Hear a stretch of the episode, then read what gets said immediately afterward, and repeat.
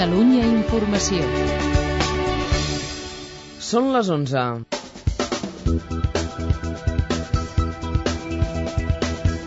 Aquest mes de novembre cada dia s'han quedat sense feina a Catalunya més de 800 persones i en total ja són gairebé 400.000 els aturats. El conjunt de l'Estat, amb les pitjors dades des del 1996, frega els 3 milions i el vicepresident Solves alerta que l'any que ve encara serà pitjor. Els ministres d'Economia de la Unió Europea aproven mesures per garantir l'estabilitat en el sistema financer. Entre d'altres, crearan un col·legi de supervisors per a les entitats que actuen a nivell internacional. El govern aprova la reforma del Codi Civil català en el capítol de la família i que dona prioritat als drets dels fills. Així, els pares tindran l'obligació d'informar els fills que són adoptats del seu origen. També inclou l'elaboració d'un pla conjunt sobre les responsabilitats dels pares envers els fills en cas de divorci o separació. Els avortaments augmenten un 8% a Catalunya durant l'any 2007 i és la quarta comunitat autònoma amb més interrupcions voluntàries de l'embaràs. Els funcionaris de la presó de Quatre Camins han assenyalat 8 dels 17 imputats com a autors materials del motí del 2004. L'aleshores sotsdirector considera que els interns es van revelar per l'enduriment dels controls i escorcolls per evitar l'entrada de droga al centre. Es posa en marxa una campanya de sensibilització contra els top manta a Barcelona. Els comerciants diuen que la venda ambulant els ha fet perdre 100 milions d'euros aquest any. I el temps aquesta nit freda portarà a un dimecres amb cel ennuvolat però amb poques precipitacions. Començaran al matí pel terç oest de forma dispersa i ja a la tarda arribarem a la resta del territori. El dia serà fred i la cota de neu passarà dels 500 metres al matí als 1.000 metres al migdia.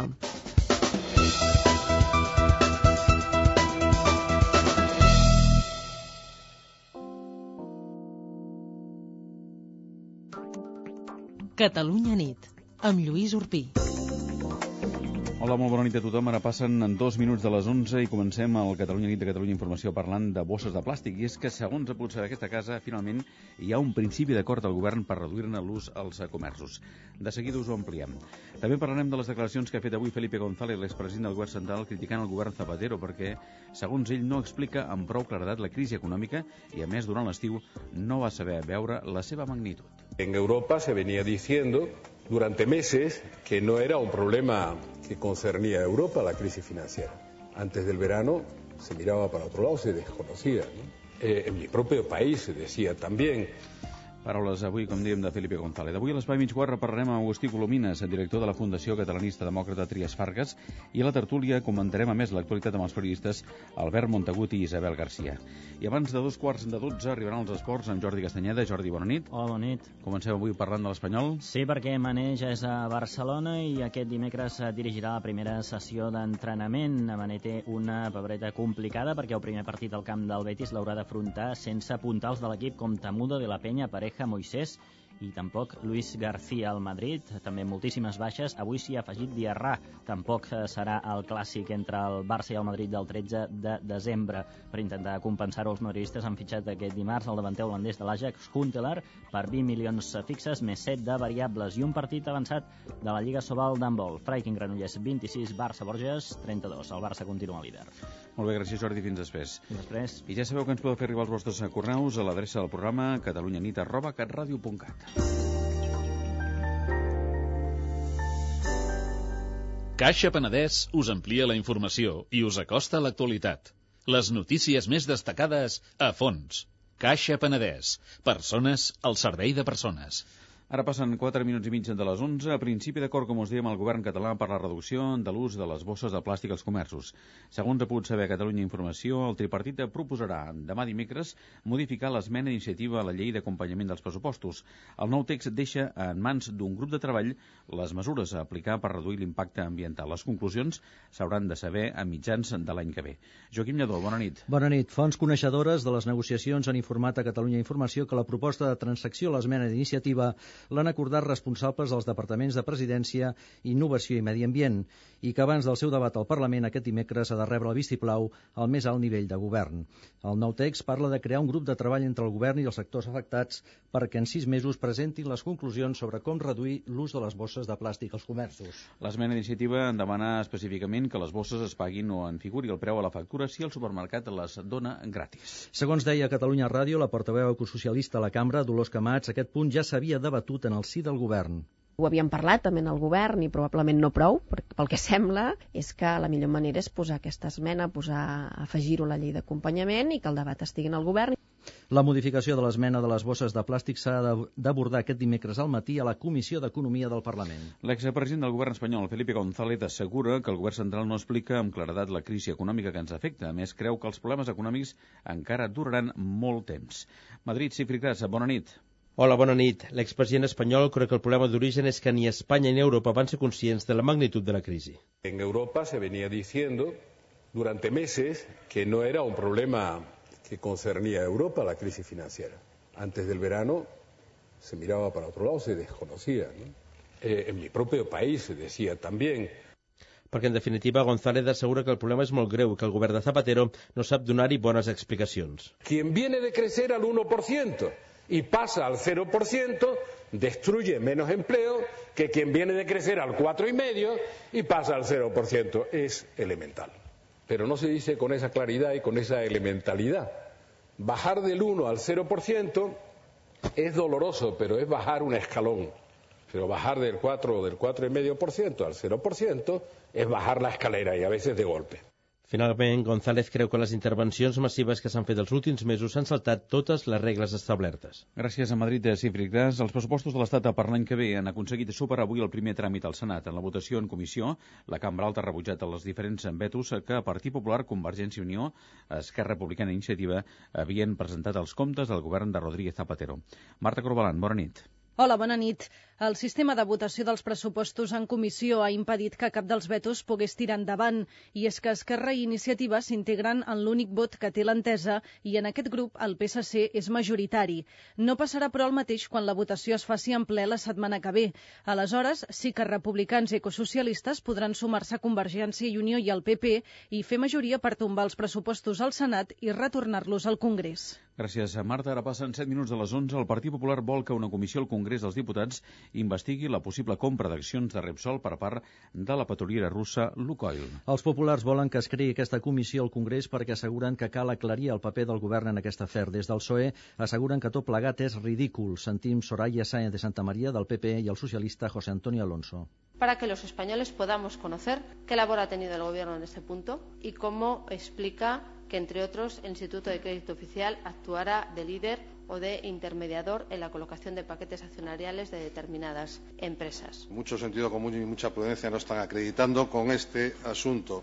Y deberían, deberían pensar un poco más las cosas, no seguir haciendo el ridículo. Alonso diu textualment que el PP es tornarà a quedar sol en els seus invents. El Partit Popular ha entrat avui al Congrés la petició perquè es creï una comissió d'investigació pel cas Lukoil. I parlem ara d'una altra polèmica. El Ministeri de Defensa assegura que els Estats Units han confirmat per escrit que l'exèrcit nord-americà no ha fet cap vol ni cap escala il·legal a Espanya.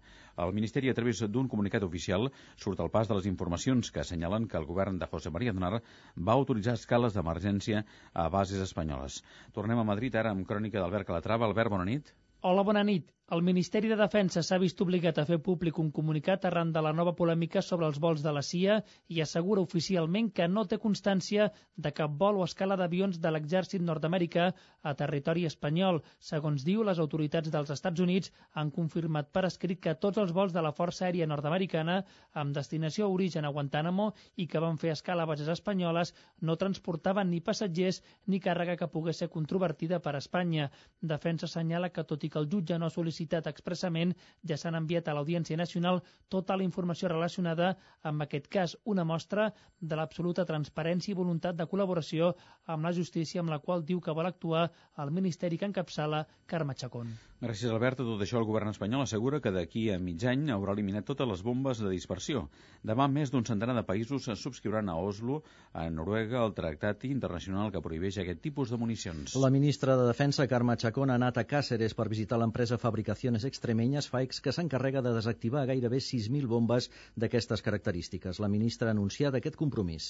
Y puedo anunciarles con satisfacción que ya hemos destruido esas primeras 100 bombas y que en medio año, en junio, no quedarán en España bombas de racimo, excepto aquellas que usen nuestros tapadores e ingenieros para aprender a desactivarlas. El govern espanyol estarà demà entre el centenar de països que firmaran el tractat contra aquestes bombes. No hi seran, però, alguns dels principals fabricants i usuaris com els Estats Units, la Xina, Rússia, Israel i l'Índia. Una bomba de dispersió pot contenir entre 200 i 600 artefactes explosius que un cop llançats exploten en un radi d'acció que pot arribar a mig quilòmetre. Una de cada tres no esclata i es converteix en mines antipersona.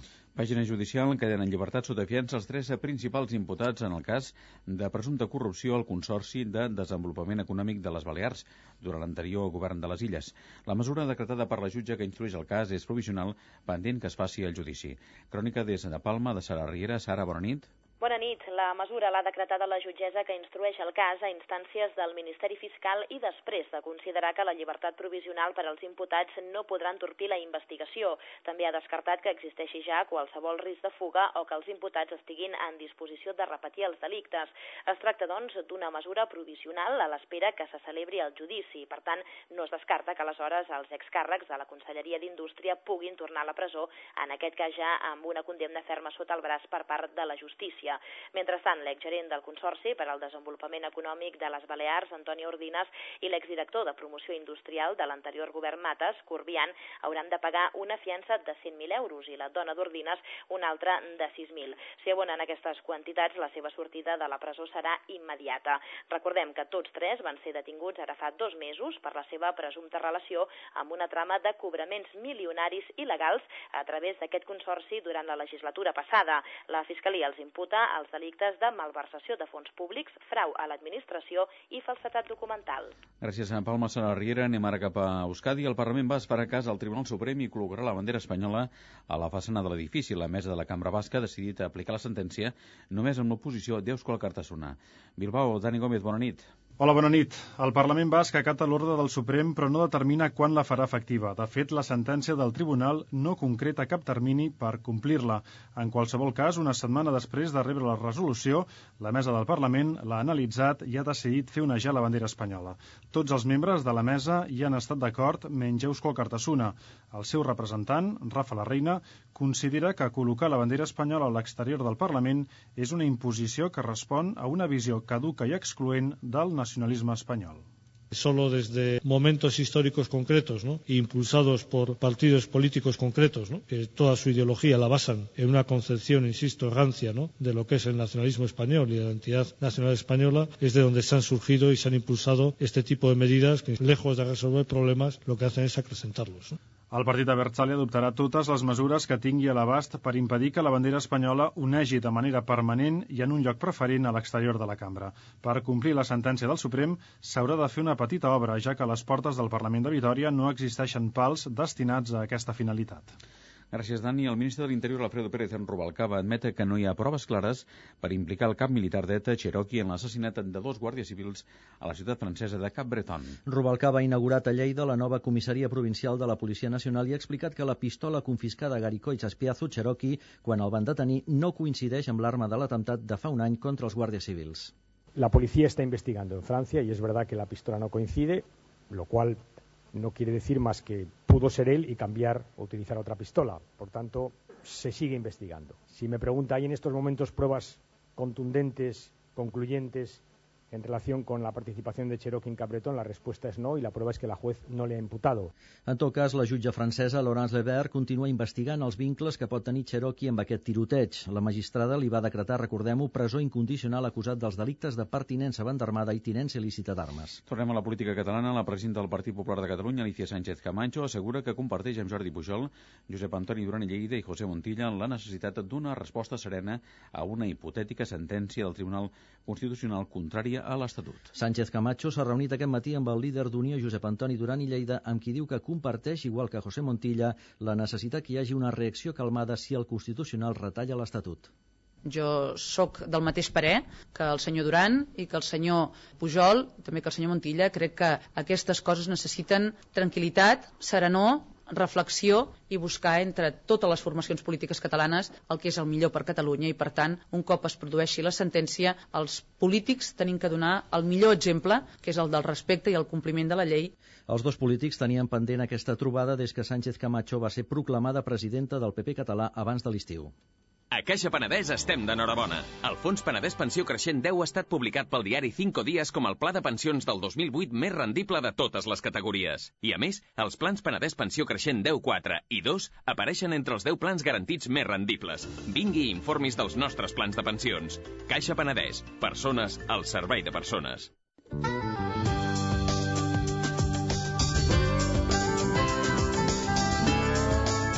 Mig quart. Ara passa pràcticament un minut d'un quart de dotze de la nit. Avui ens acompanya als nostres estudis Agustí Colomines, director de la Fundació Catalanista Demòcrata Trias Farga. Senyor Colomines, bona nit i benvingut. Bona nit. Per situar una mica als oients, eh, què fa i quin és l'àmbit d'actuació de la Fundació? Doncs la Fundació és l'antiga Fundació Trias Fargas, que eh, en el projecte que el senyor Artur Mas va plantejar el 20 de novembre del 2007 doncs eh, es va convertir en el, diguem en el motor d'això que en diuen la, la Casa Gran, no? Uh -huh. És a dir, en, el, en una fundació que eh, doncs, eh, està, diguéssim, orientada bàsicament a replantejar-se eh, el, tot el que és el catalanisme o el que ha estat el, canal, el catalanisme al llarg d'aquests eh, últims 150 anys per adaptar-lo a les noves circumstàncies eh, actuals. No? Hi ha tres àrees de pensament, no? Hi ha tres àrees de pensament que són eh, dedicades, diguéssim, al, a tres àmbits que, que considerem eh, que són essencials, que és eh, el, la Catalunya global, que vol dir la Catalunya en el món, i per tant que el nostre problema no és només eh, de relació de Catalunya amb l'Estat, sinó que és de Catalunya amb el món, el de la Catalunya plural, perquè és obvi, aquest matí mateix, doncs, quan es parlava del Pacte Nacional per la Immigració, uh -huh. doncs significa doncs, això, no? Eh, posar damunt la taula com, com gestionem la diversitat, els valors, els diferents valors no? que cadascú aporta, les religions, etc. I l'última és la Catalunya en, en xarxa, doncs, que és això altre de les infraestructures, les necessitats, eh, el que podríem dir aquesta Catalunya ciutat que els noucentistes volien, però en versió 2.0, per entendre'ns, no? és a dir, en versió actual. Eh, S'han fitxat 150 intel·lectuals, eh, ja es va fer públic, més o menys, no? una xifra de més de 100, per treballar per aquesta casa gran del catalanisme. Tot Mm. això quan començarà a donar resultats que siguin visibles? Que siguin visibles, doncs jo crec que al llarg de, de, de l'any 2009, diguéssim, 2009-2010, doncs es podran anar eh, treballant. El que passa és que aquí no es tracta tampoc de... Quan a vegades la gent em pregunta, bueno, i això, això què significa? Aquí, aquí fitxes, aquí fas no sé què, tot, tot tipus de coses que em fan aquesta pregunta.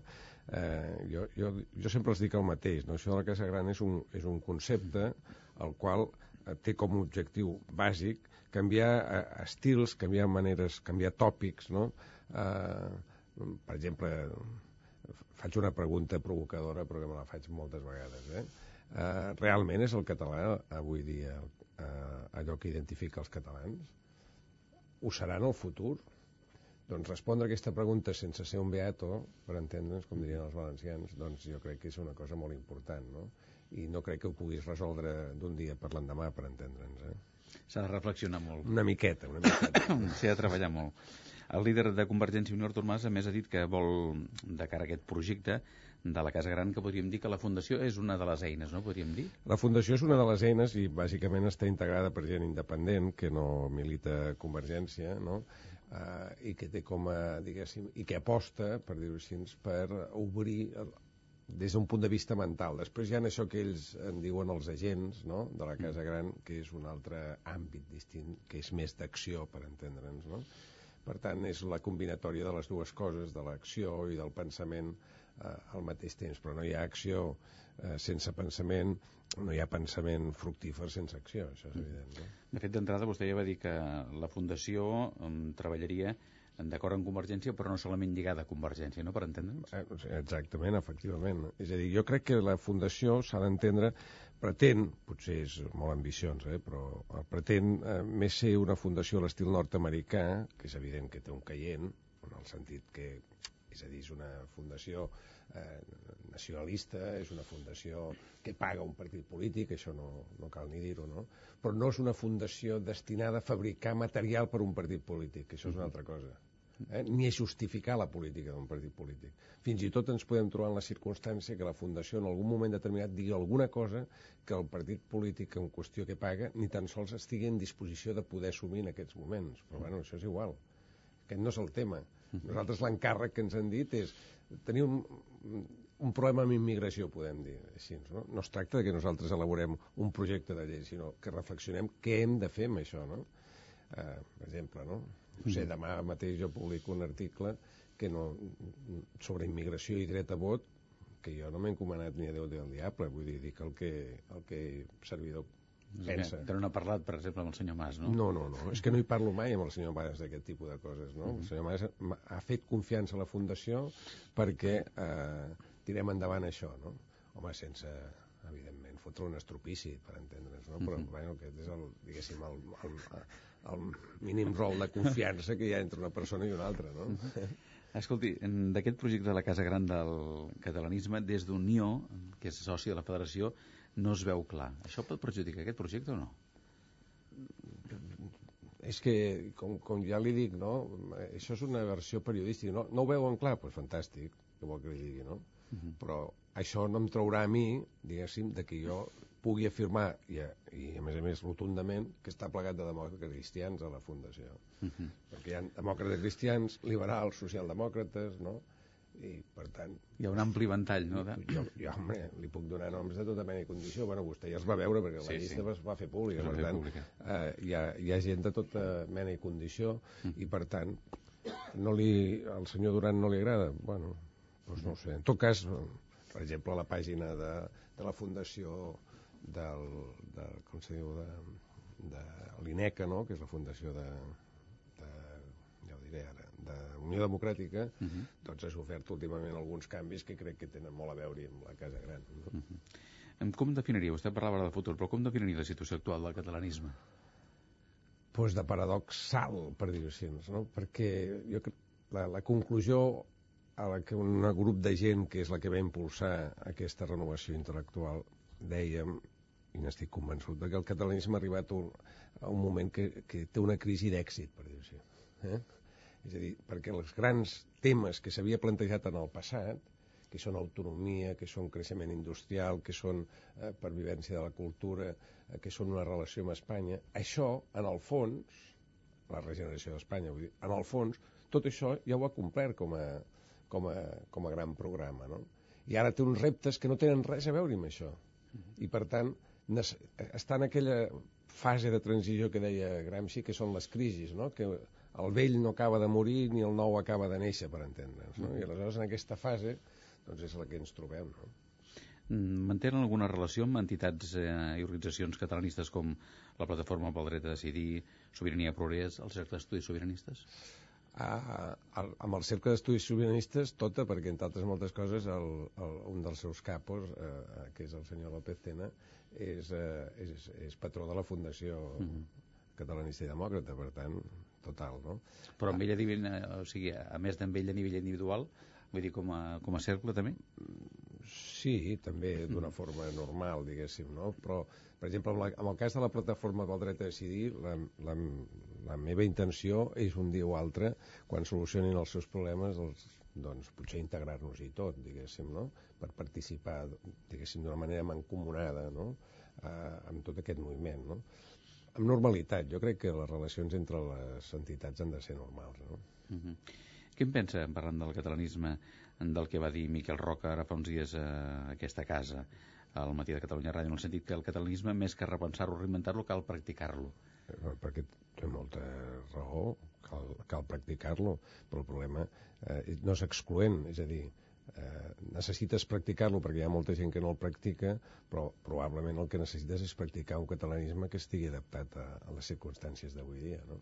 Dic jo, vaja, perquè, no sé, jo am, a vegades em pregunto que és a dir, és molt difícil que, el, que, el, que el catalanisme, les bases doctrinals del catalanisme que arrenquen d'això, no? de, de tots els textos doctrinals del segle XIX, doncs puguin afrontar coses com la globalització, per exemple. No? Uh -huh. Per tant, no, no existia en aquells moments. Com a mínim aquesta no. no i en, tot cas aquesta, no. en tot cas era la, una altra globalització, però aquesta no. Uh -huh. I per tant, pues això necessites plantejar i dir, bueno, i què fas una entitat subestatal com la nostra en un món eh, com l'occidental en el qual de moment sense, se, diguéssim, no està previst que puguin haver-hi processos de secessió no? llevat si no ets Bèlgica o un lloc d'aquests, diguéssim, no? a Escòcia, eh? ja, ja ho veurem en el seu dia, com no? Ja veurem com s'acaba, no? Per tant, què, què, què has de fer? Què has de fer? Pues, com a mínim, com a mínim pensar-ho. Ara, la inacció és, diguem-ne, el millor, la millor medicina per morir. Uh -huh. Mm. I un dels grans reptes del catalanisme, també en aquest cas, i parlant de, de qüestions de l'actualitat, és eh, la, acollir o saber adaptar la immigració, no? Sí, perquè, entre altres coses, aquest és un dels problemes capdals que tindrem uh, últimament. No? Jo defenso que la, la immigració eh, s'integra en la mesura que participa del projecte polític del país d'acollida. És a dir, li diré d'una altra manera, a l'època de la clandestinitat, dels anys 60, eh, curiosament, eh, la, el fet de participar en el moment democràtic de, per les llibertats, diguéssim, va fer que molta immigració entrés en el, en el, diguéssim, en el projecte de país, no? Perquè bueno, això ho van fer els comunistes el, i ho van fer d'una manera excel·lent, de, crec jo, no? de juntar les dues coses. No? Ara ens trobem en la circumstància que o s'integren en el projecte de país o intentar-los reclamar que adoptin les nostres pautes culturals, les nostres pautes lingüístiques i tal, és picar en ferro fred. Només ho fas en la mesura que t'integres en aquest projecte polític. No? I per tant jo crec que això és una missió de la, fundació bastant important. No? Per tant, d'entrada vostè seria partidari de que, per exemple, els immigrants poguessin votar a les municipals? No, això és el procés final del que acabo el de final, dir. Final. El procés final del que acabo de dir és que, lògicament, això comporta que hagin de votar, mm. evidentment. Mm. Però si no es dona això primer, és que no aniran a votar, perquè si aquest problema ja el tenim a molta gent que és del país i té dret a vot, diguéssim, no? que és eh, el, el fet doncs, que, que no van a votar perquè no se senten implicats en la, Integrats, en, no? en, en la vida política. No? Uh -huh. Molt bé, senyor Colomines, no l'acomiado perquè continuarà després nosaltres a la tertúlia. Fins ara mateix. Fins ara mateix.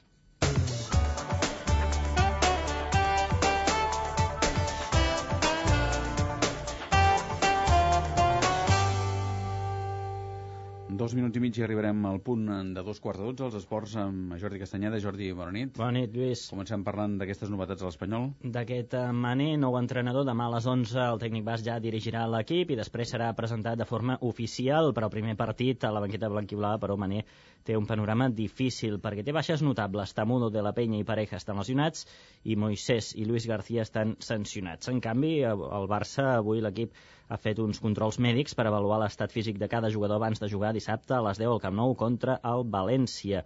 Un dels blaugrana més destacats fins ara, Leo Messi, ha sabut avui oficialment que ha quedat segon a la votació de la pilota d'or al darrere el portuguès Cristiano Ronaldo. Messi, d'alguna manera, ja s'ho esperava, però diu que se sent guanyador pel suport que li han donat diversos futbolistes, com avui mateix ho han fet Puyol i Torella ja.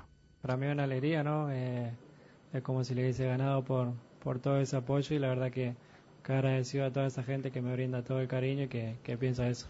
I després del València, el 13 de desembre, vindrà el Madrid al Camp Nou, un equip blanc que avui ha afegit una nova baixa. Diarra no podrà estar a Barcelona i tampoc no hi seran Pepe, Van Nistelrooy, Heinze, Torres ni De La Red. Per superar tantes lesions, el Madrid ha fitxat el davanter holandès de l'Ajax, Huntelaar. El traspàs s'ha tancat aquest dimarts per 20 milions fixos, més 7 de variables en funció dels objectius que aconsegueixi el jugador. La fitxa de Huntelaar serà de 3,8 milions d'euros. I el Madrid, el defensa Salgado, diu que la Lliga no la veu ni molt menys perduda. La situación de ahora es algo que se puede recuperar fácilmente. Estamos cuartos en la clasificación, a seis puntos del Barcelona, que además está haciendo, sí es verdad que está haciendo un gran fútbol, pero yo creo que es recuperable totalmente, ¿no? Y además tenemos un partido ahora directo contra ellos que a pesar de que sea en low camp, al ser un derby nunca sabes lo que puede pasar, ¿no? Hay que ir más, apelar más a lo futbolístico, que es lo más importante para mí, y sobre todo, pues también empezar a tener un poquito más de suerte con el tema de las lesiones, ¿no? Porque sí es verdad que si no nos vamos a quedar sin jugadores. Parlem ara de la Lliga Sobal d'handbol. El duel català d'aquest vespre entre el Freiking Granollers i el Barça Borges s'ha decantat de part dels blaugrana. Resultat final, Freiking Granollers 26, Barça Borges 32. L'entrenador del Barça, Manolo Cadenas, estava satisfet del joc de l'equip. El equipo todavía eh, incluso puede jugar mejor, ¿no? Yo creo que hoy hemos hecho un buen partido con oficio, dominando en el marcador y, y pienso que se ha cumplido, pues yo creo que el guión que, que todos teníamos en mente. I el Granollers i el Granollers volíem dir al tècnic eh, Llorenç Rueda, diu que no han fet el partit que havien previst. Eh, que jo crec que la clau principalment, a part de que el Barça jo penso que ha fet un, un bon partit, és que nosaltres no hem sabut portar el partit al nivell de, d'exigència que volíem, a nivell d'intensitat, a nivell d'agressivitat, en el bon sentit. Volíem apretar molt més el Barça, volíem que notés la pressió del Palau amb tanta gent, sobretot el, volíem apretar molt el nivell defensiu i no hem sigut capaços de fer-ho. L'altre resultat de la Lliga d'handbol d'avui, Torrevella 25, Lleó 27, això vol dir que el Barça continua líder i que té els lleonesos a un punt. Molt gràcies Jordi, fins després. Fins després.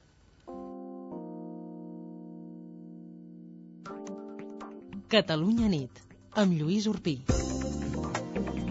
Ara passa pràcticament un minut de dos quarts de dotze, és el moment de repassar algunes de les principals notícies d'aquest dimarts, 2 de desembre. Ho fem amb la Victòria Vilaplana. Victòria, bona nit, quan vulguis. Bona nit, Lluís. Doncs comencem amb aquest principi d'acord al govern per reduir l'ús de les bosses de plàstic als comerços. Segons ha sabut aquesta casa, un grup de treball que inclourà el sector afectat estudiarà les mesures per reduir l'impacte ambiental d'aquestes bosses que s'aplicaran a partir de l'estiu que ve. També hem destacat les declaracions de Felipe González que assegura que el govern central no explica amb claredat la crisi econòmica que ens afecta, segons ell. A més, creu que els problemes econòmics encara duraran molt temps. L'expresident espanyol creu que el problema d'origen és que ni Espanya ni Europa han estat conscients de la magnitud de la crisi. Hem de parlar, sens dubte, de l'atur. Avui creix al novembre un ritme de més de 800 persones diàries a Catalunya i la xifra s'acosta ja als 400.000 parats. Al conjunt de l'Estat, el nombre de persones sense feina gairebé arriba als 3 milions i el govern espanyol reconeix que la situació empitjorarà l'any que ve. També parlem dels pares adoptius catalans que hauran de dir per llei als seus fills que són adoptats perquè els nens puguin saber el seu origen segons l'última reforma del Codi Civil. Es regula per primera vegada els acords amistosos de separació. Pel que fa al temps, demà esperem cel tapat però poca pluja. Al llarg del matí els núvols deixaran algun plogim al terç oest del país i a partir del migdia començaran a caure en altres punts, tot i que la majoria seran febles.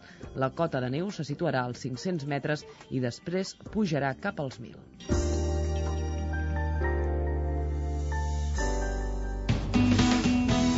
Bona nit. El número premiat del cupó diari celebrat avui és el...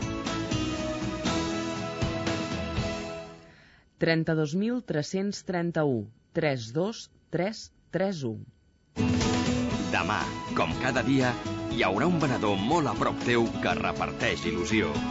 Bona nit i recorda que amb el sorteig de l'11 la il·lusió es compleix.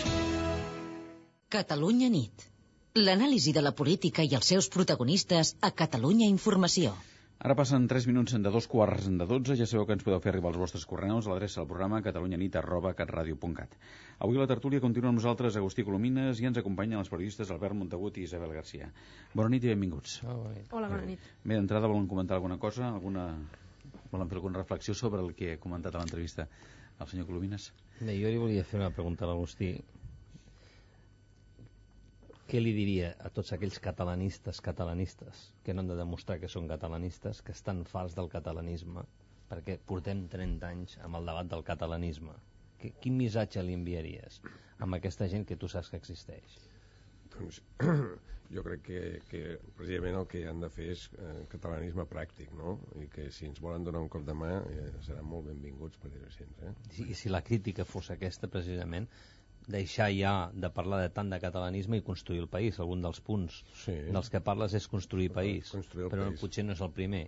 No, no, és el primer. És, És el dir, primer. és el primer en el sentit de construir el país, eh, diguem-ne, per mi eh, és bàsic i, i, diguéssim, la Fundació en aquest sentit té un, un aspecte molt pràctic, no? No, no, no, no és especulatiu ni acadèmic, eh? no, no, no tenim aquesta vocació en, en absolut, no? Jo, a més a més, també estic bastant fart de la histèria del, aquesta d'estar tot el dia doncs, discutint i mirant-nos el malic i tal. Jo Creus que hem patit d'això? Bastant, bastant. I d'una forma, a més a més, eh, diguéssim, espectacular, perquè crec que s'ha fet una perversió eh, molt gran, que és instal·lant al carrer, diguéssim, molta propaganda per després no practicar res del que es diu que al carrer. Jo crec que això és, és tòxic pel catalanisme, vull dir n'estic convençudíssim, eh? És que encara trobarà la solució i s'haurà de presentar ja a les eleccions perquè la gent el voti. El senyor Colomina és candidat. no, no ho crec, però la veritat és que sí que estic molt, des de fa uns certs anys, eh, bastant eh, eh, escèptic en certes coses, diguéssim, no? Vull dir, m'he deixat de creure eh, personatges, m'he deixat de creure eh, histèries i sobretot el que m'he deixat de creure en absolut és la propaganda que és només aboca el dogmatisme i a la intransigència. No? Creus que ens hem embolicat amb la senyera moltes vegades per, per amagar algunes de les nostres pròpies deficiències? Perquè Un, uns més que altres. Uns més que uns altres. Jo crec que és uns més que uns altres. Però està bé que ho, ho diguis tan clarament. Sí, jo és que la veritat és que un dia vaig decidir, de veritat, ho vaig decidir en aquesta casa, precisament, vaig decidir que deixaria de justificar allò que a mi em provocava malestar, per dir-ho així. A vegades ho havia fet, havia justificat coses que, vaja, no les, no les compartia en absolut, no? Però per allò de la causa, el no sé què i tot aquest tipus de rotllos que a vegades on té al cap, doncs jo vaig dir, però s'ha acabat. S'ha acabat, no? Sobretot perquè el dia que a una, com vaig explicar una vegada per antena, el, el, la primera vegada que uns catalanistes em van voler pagar a mi, eh, ja, no, ja, això ja no arriba eh, no, no, només faltava aquesta no? i aleshores vaig pensar que s'ha acabat no? i a qui no li agradi pues, pues és igual no, potser està bé que explica les coses així de clares perquè potser és el desencís que tenen moltes persones a Catalunya i que els aparta de la política. És probable, és probable. Això em preocupa molt perquè, per exemple, ho veig molt a la facultat, no? Aquest allunyament de la política, per mi, eh, sempre els dic als alumnes, vosaltres ja podeu passar a la política, que la política no passa de vosaltres, no? perquè us regula la vida, no?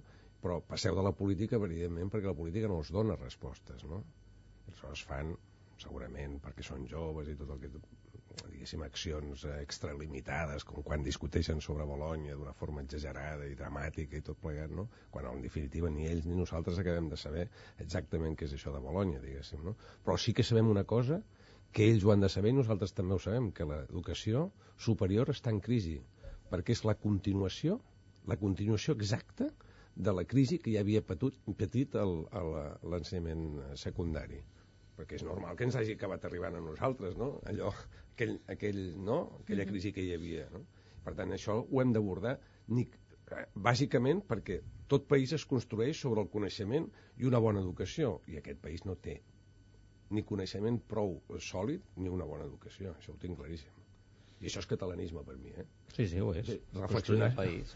reflexionar sobre això és catalanisme. No, no, no, i estem d'acord amb això. Però jo vull fer una pregunta també, hòstia, a veure, mm. quan es parla del, de refundar el catalanisme o de fer una Catalunya nova, amb tots els aspectes, fins i tot amb les infraestructures, de construir un país nou.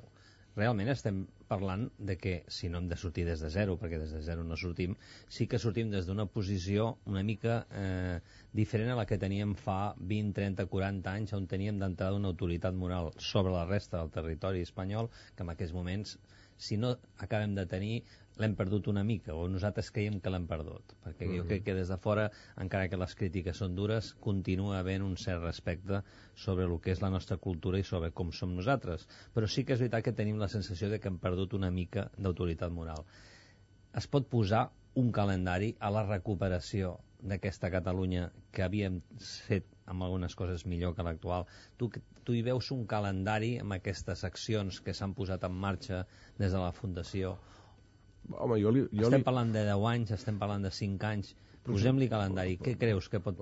Pot ser 5, 10 anys, possiblement és una, una bona, diguéssim, unes bones dates, no? Però jo, jo sobretot el que crec que el, que el més important, el catalanisme històric, si tenia una, alguna gràcia, és que quan, quan el món feia telèfons, aquí fèiem telèfons. Quan el, fon, quan el món feia carreteres, aquí fèiem carreteres quan el món es dedicava doncs, a fer tèxtil, aquí fotíem tèxtil. Per tant, estàvem al món. Ara, això no sé si és exactament veritat. És, és aquest el problema. No? I no acabem de trobar el, el perfil que faci, el model nostre, que faci doncs això, que sigui d'èxit com ho ha estat en el cas de Finlàndia o en el cas de l'Índia o en el cas d'altres llocs, per dir-ho així. No? I ens hem dedicat a fer un model que, per cert, eh, no, ara en patim les conseqüències, que és un model, mm, diguem-ne, low cost, per dir-ho així, no? i això és un mal assumpte. Jo crec que és un mal assumpte. Però la crisi aquesta crec que podrà ajudar, per dir-ho així, a donar una mica el tom i a prendre consciència que, no sé com dir-te, no? que, que és necessari buscar una, una via, no? Es pot dir que part d'aquesta culpa és heredada de molts governs de Convergència i que precisament Convergència ara és el partit que veient aquest, aquesta regressió vol guanyar el terreny perdut, no hi ha una contradicció de que sigui precisament Convergència el que vulgui adreçar una situació de la que Convergència, no diria jo la paraula culpable, però sí que ha sigut el partit que ha liderat aquest país en aquests últims 25-30 anys? Jo diria que no som, que convers... diria, eh, no sé, potser m'equivoco, però diria que amb els últims 5-7 anys eh, els governs de Pajol no se'n van adonar de, del canvi que, que diguem-ne, que es duraven al món, per dir-ho així. No? Van fer molt en els primers anys, no? però en els últims anys no van acabar de veure per on anava, possiblement perquè això que en diuen els seus spin doctors no els hi van, no els hi van eh, explicar, no? Possiblement perquè van cometre l'error des de la perspectiva de deixar el pensament al marge de l'acció, no? I aleshores els, els nord-americans no perden el temps, entre altres coses, perquè mai deixen de pensar. Mai deixen de pensar. Està plegat. Tu vas per Nord-Amèrica, està plegat d'entitats de, de, que només es dediquen a pensar sobre el futur del país, diguéssim, no? Aleshores, clar, jo l'altre dia al·lucinava perquè parlava amb uns i deia, no? Escolta, el, la, aquesta famosa sèrie del, de West Wing, no? El, el, el nou candidat demòcrata, que és un hispà i tal, està basat en l'Obama i el seu discurs de l'any 2005. Tu, encara no havia arribat tot això. Vol dir que algú ja estava pensant que podia passar això en algun moment determinat. I s'havien avançat, s'havien avançat. Clar, I la política és anticipació.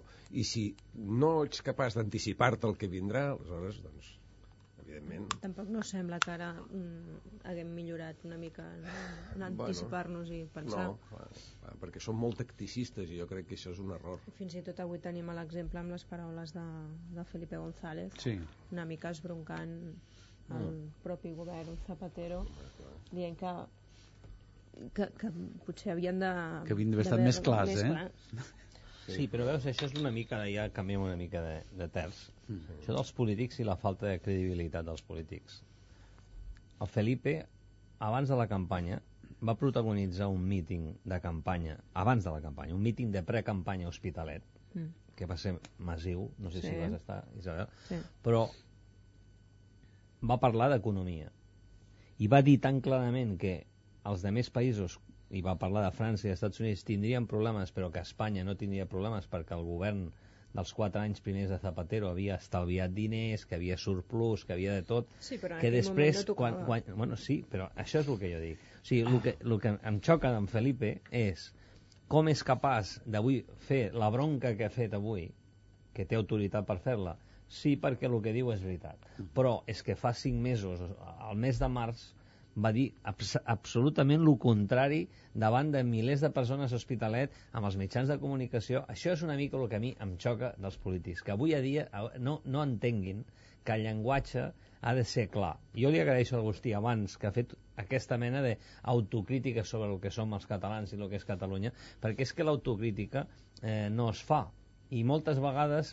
veus a polítics, parlant del Felipe, que diuen una cosa i l'endemà en diuen una altra, com si no haguessin dit l'anterior, no, o sigui, no es desfan del que han dit. I a mi això realment, hores d'ara ja em xoca, perquè estem a l'any 2008, de política i de democràcia ja hem recorregut tots bastants anys, afortunadament, i escolta, ja veiem que la democràcia és parlar clar i ser bons gestors, no enganyar la gent, i tindre programes d'acció, que és el que ell deia, de pensar una mica a mig i a llarg plaç. Uh mhm. -huh. I el Felipe avui ha fet unes declaracions que m'han xocat molt perquè, ja et dic, contradiuen el que jo personalment li vaig escoltar dir a Hospitalet fa uns mesos. No, I no és només fa uns mesos, perquè avui ha vingut a dir que ell el 99 ja ho va dir, que hi havia, que hi havia crisi, que va ser un informe, imagina't. si no recordo malament, pels socialistes europeus o per, les, per la internacional, explicant que el, el sistema financer estava creixent com 10 o 15 punts mm, per sobre del que era real. O sigui que ja estava dient que el 99 ell ja ho veia venir, diguéssim.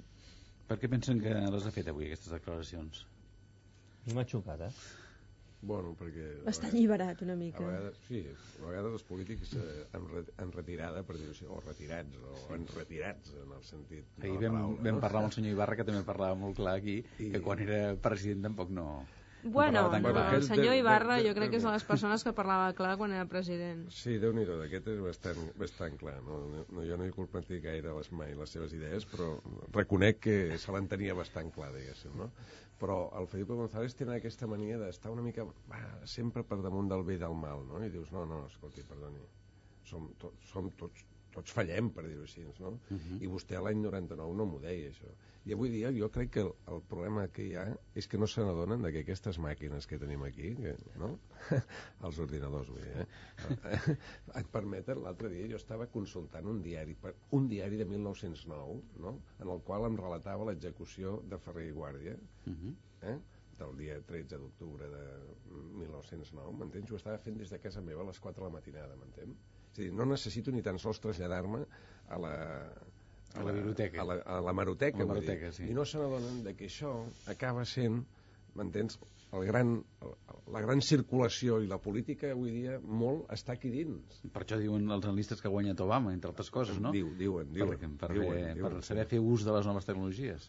Diuen, jo crec que sí, i això provoca uns canvis molt abismals de com s'informa la gent, no? com, eh, com percep la política, com percep els polítics, bueno, uns canvis bestials, no? Jo ahir vaig trobar una cosa que t'ho juro que no me la podia ni creure, ni creure. Un becari que tenim, un becari que ens envia a les universitats, estàvem allà, un tio super collonut, eh? Super collonut. Li vaig parlar del Lluís Llach i no sabia qui era Lluís Llach, m'entens? No sabia qui era Lluís Llach. Tu dius, Però, hòstia d'on- puta. on viu aquest D'on becari? surt? D'on surt? D'on- universitat? D'on surt? No, doncs, doncs és un senyor que no us ho podeu creure, però hi ha moltes persones en aquest país joves que viuen en un altre món que no és el nostre, eh? que no és el nostre d'aquestes certituds que hem tingut durant, jo què sé, els últims 30 anys, eh? i que està en una altra galàxia, per dir-ho així, eh? I tu dius, hòstia, jo què li vols que li digui si no li, no li ha interessat mai aquest individu, pal, és d'origen argentí, m'explico, no? Que li parlen d'això, m'entens? Però aquest senyor vota, eh? Sí, sí. Aquest senyor vota.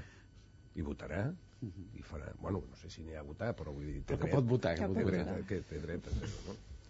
Regala-li un, un disc, un disc perquè sí que és de les coses, No no, no ni diria de les poques coses, però sí que és de les coses que sí que val la pena que la gent sàpiga. I tant. Al col·legi t'haurien de ja d'ensenyar algunes d'aquestes coses. jo- i a més- Estic amb tu, eh? això del Lluís Llach, per exemple, ho preguntes a gent jove, a adolescents, i no sabrien ben bé qui, de qui estàs parlant. Eh? Amb, el- amb el cul si sona, però no... Mm, sí, però fixa't tu que estem parlant realment d'un Fa dels quatre dies que es va tresors. retirar, eh? Vull dir que tampoc no, no, no, encara fa no alguna- s'ha ha de... passat, eh? Sí, Sí, sí, sí, per però això vull dir que- es retira... diríem que no es retirarà mai perquè sempre el pots Sí. escoltar, però realment és un dels nostres tresors més valuosos. Mhm. I en canvi és xocant, no? És xocant, és xocant. Ara passen 3 minuts de 3 quarts d'ots, estem fent tertúlia al Catalunya Nit amb Agustí Colomines, Albert Montagut i Isabel Garcia. Bé, què en pensen d'aquesta polèmica? Ara sembla que comentàvem a l'informatiu que hi ha un principi d'acord al govern per aquesta reducció de l'ús de les bosses de plàstic als comerços. Aquí hi haurà un grup de treball i que sembla que d'aquí mig any es decidirà com, com s'ha de fer això, si s'ha de pagar, eh, si, si els contribuents hem de pagar les bosses o, o no. La gran aportació que ens fan és que faran un estudi. Un estudi, sí. Que grup de treball que estudiarà... Que sí. Em sembla que no sé si és el problema del catalanisme, però en aquest país fa molts anys que resolem les coses fent, preparant estudis. No sé si la fundació... D'això no se'n preocupen. I llavors, quan sentia la vostra informació, diu, bueno, l'acord és que farem un estudi, doncs, bueno, quan veiem l'estudi, I d'aquí mig any sabrem què passa. veurem què passa. Ara, eh, no tenim tots els números per pagar-les. Uh -huh. Vostès creuen que s'han de pagar aquestes bosses? Per aquest tema de l'impacte ecològic? A mi m'és igual si em donen una bossa de paper, tu. L'impacte ecològic existeix. Jo crec que s'han d'eliminar. A França jo vaig veure el sistema d'ells que al, al, al començament em pensava que era una mica lesiu per, pel consumidor perquè és que et regalaven, no et regalaven, et, et feien pagar unes bosses de, de plàstic però molt fortes perquè tu les mantinguis a casa i vagis amb, el Amb les mateixes, sofà, no? Amb les mateixes. Uh -huh. Jo crec que el sistema aparentment és molt pesat perquè has de pagar aquestes bosses al començament, però crec que és més higiènic, és més eh, és millor. Jo crec que és un s'ha de buscar solucions immediates, perquè això de tantes bosses de plàstic realment crec que sí que no és bo per al mig, no sé, crec que és eh, hem de conservar una mica el medi ambient i aquestes bosses perjudiquen bastant. Tu creus que realment hem d'estar sis mesos No, preparant un això estudi ja no, i això amb ja no. gent i experts i no sé quantes coses més per, pues, que Un prenguin grup de treball, un grup de treball amb gent No, del sector també. algú que pensi però també algú que actuï, sisplau que prengui decisions sense por perquè de veritat Jo, això, jo, jo faria això que diu el senyor Montagut, o, o bé el que diu ell de bosses de paper. Als Estats Units eh, les bosses són de paper, vull dir, per què, per què no? Bueno, tenen bossa de paper, bossa de plàstic de o bossa de plàstic i paper, que és posar la bossa de paper dintre d'una bossa de plàstic. Vull dir, tenen molts sistemes ells, ells tenen molts sistemes. El del paper és el que més m'agrada, però perquè aquell paper eh, es desfà sol, no, no, no. Jo crec que hem de mirar una mica el que està passant fora i, i prendre nota i fer-ho ràpid. Això sí, no estar ara sis mesos parlant d'aquesta història, estic amb Isabel amb aquest tema. No? Potser perquè el govern s'han donat Estan, una, eh, mica, no, avaluen riscos una mica de marge, no? Una No mica de marge s'atreveixen de... mai no, a és, fer és res. avaluar Sempre, riscos. sí. Sempre eh, es, es funciona així dels estudis. Es fem un, un estudi, tindrem sis mesos per avaluar riscos. A veure, si fem la bossa, si mantenim la bossa de plàstic, si ens, ens criticaran molt o poc. Si fem la bossa de paper, ens criticaran molt o poc. I així funcionem. Igual que amb el vot immigrant, que estem parlant aquests, aquest, fa, des d'ahir del tema aquest, doncs avaluem riscos. I mentrestant no fem res. Molt bé. Ara el que farem serà repassar amb la Victòria Vilafrana. Victòria, bona nit. Bona nit, Lluís. Els titulars dels diaris de, de demà dimecres. Tenim doncs comencem sorpreses? Amb, alguna n'hi ha, Sí? sí? però vaja, bàsicament tots els diaris eh, se centren en la terrible xifra de l'atur. De l'atur, no?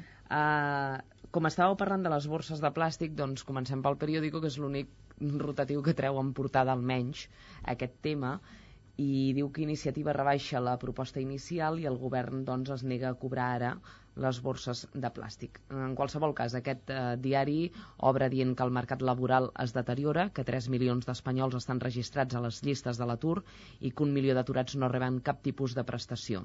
D'altra banda, també destaca que Bush se n'apenedeix d'haver cregut els serveis secrets sobre les armes a l'Iraq, que el número d'avortaments s'ha duplicat en 10 anys a Espanya. El diari La Vanguardia diu que l'atur s'acosta ja als 3 milions, fet que li agraeixo que es tituli així perquè, déu nhi la resta de portades posen exactament la xifra, La i xifra. és, és complicadeta la cosa. Solves diu l'entrada de l'UCO i la Repsol no és inevitable, les mesures del pacte per a la immigració costen 2.000 milions i un 10% més d'avortaments, es pregunta al diari el fracàs o la prevenció. Al diari Avui, atur rècord a Catalunya, l'oposició celebra la caiguda del govern a Tailàndia, rebuig dels usuaris als nous preus del transport públic. Comencem per el diari El País, que també diu els papers de Guantánamo desapareixen de l'arxiu oficial. Els funcionaris confirmen l'existència de l'informe i el diari recorda que la subtracció o destrucció del document és delicte obren amb aquest titular. L'altre és per l'atur, gairebé 3 milions d'aturats. A les planes de Catalunya, un altre cas d'abús policial agreuja les relacions entre jutges i Mossos. Una jutge de Barcelona acusa dos agents dels Mossos de detenir de manera il·legal un senegalès. El diari El Punt, a la seva edició de Barcelona, titula, titula L'era Aznar va disparar Madrid per sobre Catalunya en infraestructures com mai en la història. Catalunya suma més de 800 aturats cada dia durant el novembre i la societat civil reclama un compromís per millorar l'ensenyament. El diari ADN, en la seva edició a Barcelona, diu 2.989.269 aturats, Ronaldo pilota d'or, allau de crítiques a l'augment del transport i Vega, Johansson i Mendes, les tres actrius, presenten la pel·lícula còmic d'Esperit. És una fotografia que també recullen altres diaris. Per exemple, destaquem també que el diari La Razón diu que els 171.043 aturats de novembre apropen a Espanya els 3 milions, que els avortaments es van incrementar en un 10% i el 2007 van assolir els 112.000 138 i que el Ministeri de Defensa reconeix com a legals els vols de la CIA durant el govern del Partit Popular. ABC també titula per l'atur, la mateixa xifra, destaca i posa sus punts suspensius i Solves avisa que el pitjor encara està per arribar. A Espanya, l'altre tema és l'avortament. Hi va haver 307 avortaments cada dia l'any passat, un 10% més. I atenció a la ministra Cabrera, que diu que relaciona la violència de gènere amb l'herència franquista. Al diari Público, 8.000 milions a discreció, però es refereix en aquest cas a la injecció de diner públic als ajuntaments. L'atur frega els 3 milions i Solves admet que el 2009 serà pitjor. Aguirre diu, Esperanza Aguirre ens referim, no té fons per pagar les farmàcies, tres anys sense regular les pulseres antimaltractament i creix l'avortament entre les menors d'edat. Acabem amb el diari El Mundo, que diu que ja hi ha 3 milions d'aturats i Solves es resigna. El 2009 serà pitjor, com veieu és un titular que es va reproduint uh -huh. a gairebé tots, a tots els rotatius. Destaca aquest diari que un funcionari de la Diputació de Lleida encarregat de lluitar contra el que podríem dir l'endollisme, l'endoll, ja sabem, no crec que falta dir... Explicar-ho més. Explicar-ho més, diu, col·loca la seva dona. I el líder d'ETA, partidari de la negociació, Thierry, volia assassinar a un regidor del Partit Popular Basc. Moltes gràcies, Victòria. Volen fer algun... comentar algun dels titulars? Algun dels temes això, que surten això, a les portades? Això de l'atur és bastant preocupant, no? El de l'atur, sí. Perquè eh, l'atur això porta moltes coses encadenades, per dir-ho així, no? Perquè evidentment tindrà repercussió amb la, diguem amb la percepció que es té de la immigració, no? És a dir, porta moltes coses encadenades que ens poden Una portar... implicació social a nivell de, sí, de reflexions també de conceptes. Sí, sí, perquè la veritat sí dita, doncs, eh, és evident que hi haurà molta gent eh, que percebrà o creurà percebre que les ajudes socials es destinen a, a la immigració quan possiblement ells estan en una situació dificultosa uh -huh. i això enrarirà una mica l'ambient, no? I si i, i un país que, que, que li passa això i, per exemple, i com estàvem comentant abans, té un lideratge polític tou o, o inexistent, doncs pot acabar tenint un problema, no? Espero que no, però pot acabar tenint un problema. Ho veuen així? Jo voldria parlar dels vols de la, Els vols de la CIA. Que només vull fer una reflexió que aquests dies no s'està fent. Estem tots, evidentment, en contra d'aquest tipus de vols i de Guantánamo, claríssim. Mm -hmm. Estem a favor de que l'Obama compleixi la seva promesa electoral I de que el primer que farà és tancar Guantánamo. Estem absolut, jo estic personalment a, absolutament a favor. Però sí que voldria una, dir una cosa. Davant dels fets de Bombay, està claríssim que quan parlem del nostre sistema judicial estem parlant d'una de, delinqüència coneguda per nosaltres, per la nostra societat. Desgraciadament tenim violadors, tenim assassins, coneixem aquest tipus de delictes molt relacionat amb la conducta humana. Però estem davant d'un canvi social increïble on el terrorisme actua d'una manera absolutament eh, desproporcionada davant del, dels nostres propis criteris. Jo crec que el debat que hauríem d'obrir és precisament com aquesta societat democràtica pot combatre aquest, aquest exèrcit d'ombres que ens està realment fer molt, man, molt i molt, i molt mal amb les eines judicials i democràtiques que tenim avui en dia. Evidentment són insuficients o no estan equiparades per aquest nou nivell de violència. Jo crec que aquest és un debat que s'hauria d'obrir perquè és un debat difícil perquè, evidentment, hem de canviar algunes, alguns dels mètodes. No estic a favor dels vols de la CIA, però és evident que amb aquests senyors que han actuat a Bombay els, els, els, els còdics penals a l'ús són absolutament obsolets. Hem de buscar noves, noves vies de combatre judicialment aquestes, eh, aquesta mena de violència que ens està absolutament destrossant la nostra civilització. Hem d'anar molt al tanto, no? Uh -huh. Isabel, algun comentari? Molt breument. No, m'ha fet gràcia el, el titular que ha llegit la, la Vicky de la ministra Cabrera sobre l'herència franquista, franquista. de, de la de violència sí. de gènere. Suposo que desconeix que hi ha un percentatge molt alt de, dels maltractadors que no són espanyols i per tant no, aquesta herència no és franquista. No la tenen. Molt bé, fins aquí la tertúlia. Agustí Colomines, Albert Montagut i Joel Garcia. Gràcies, bona nit i que vagi molt bé. Bona nit.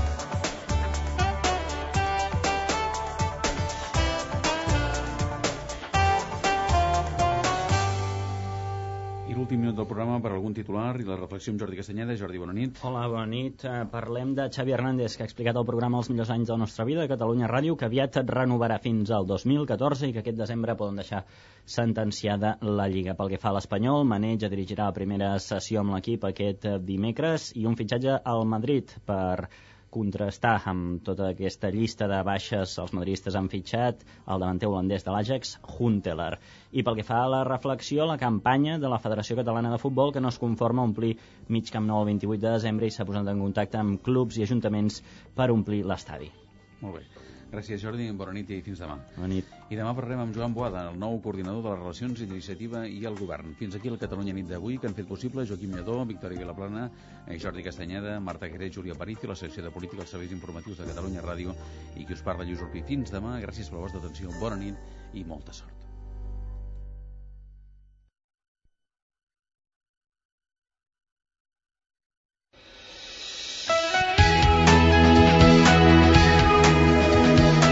Catalunya Informació. Són les 12.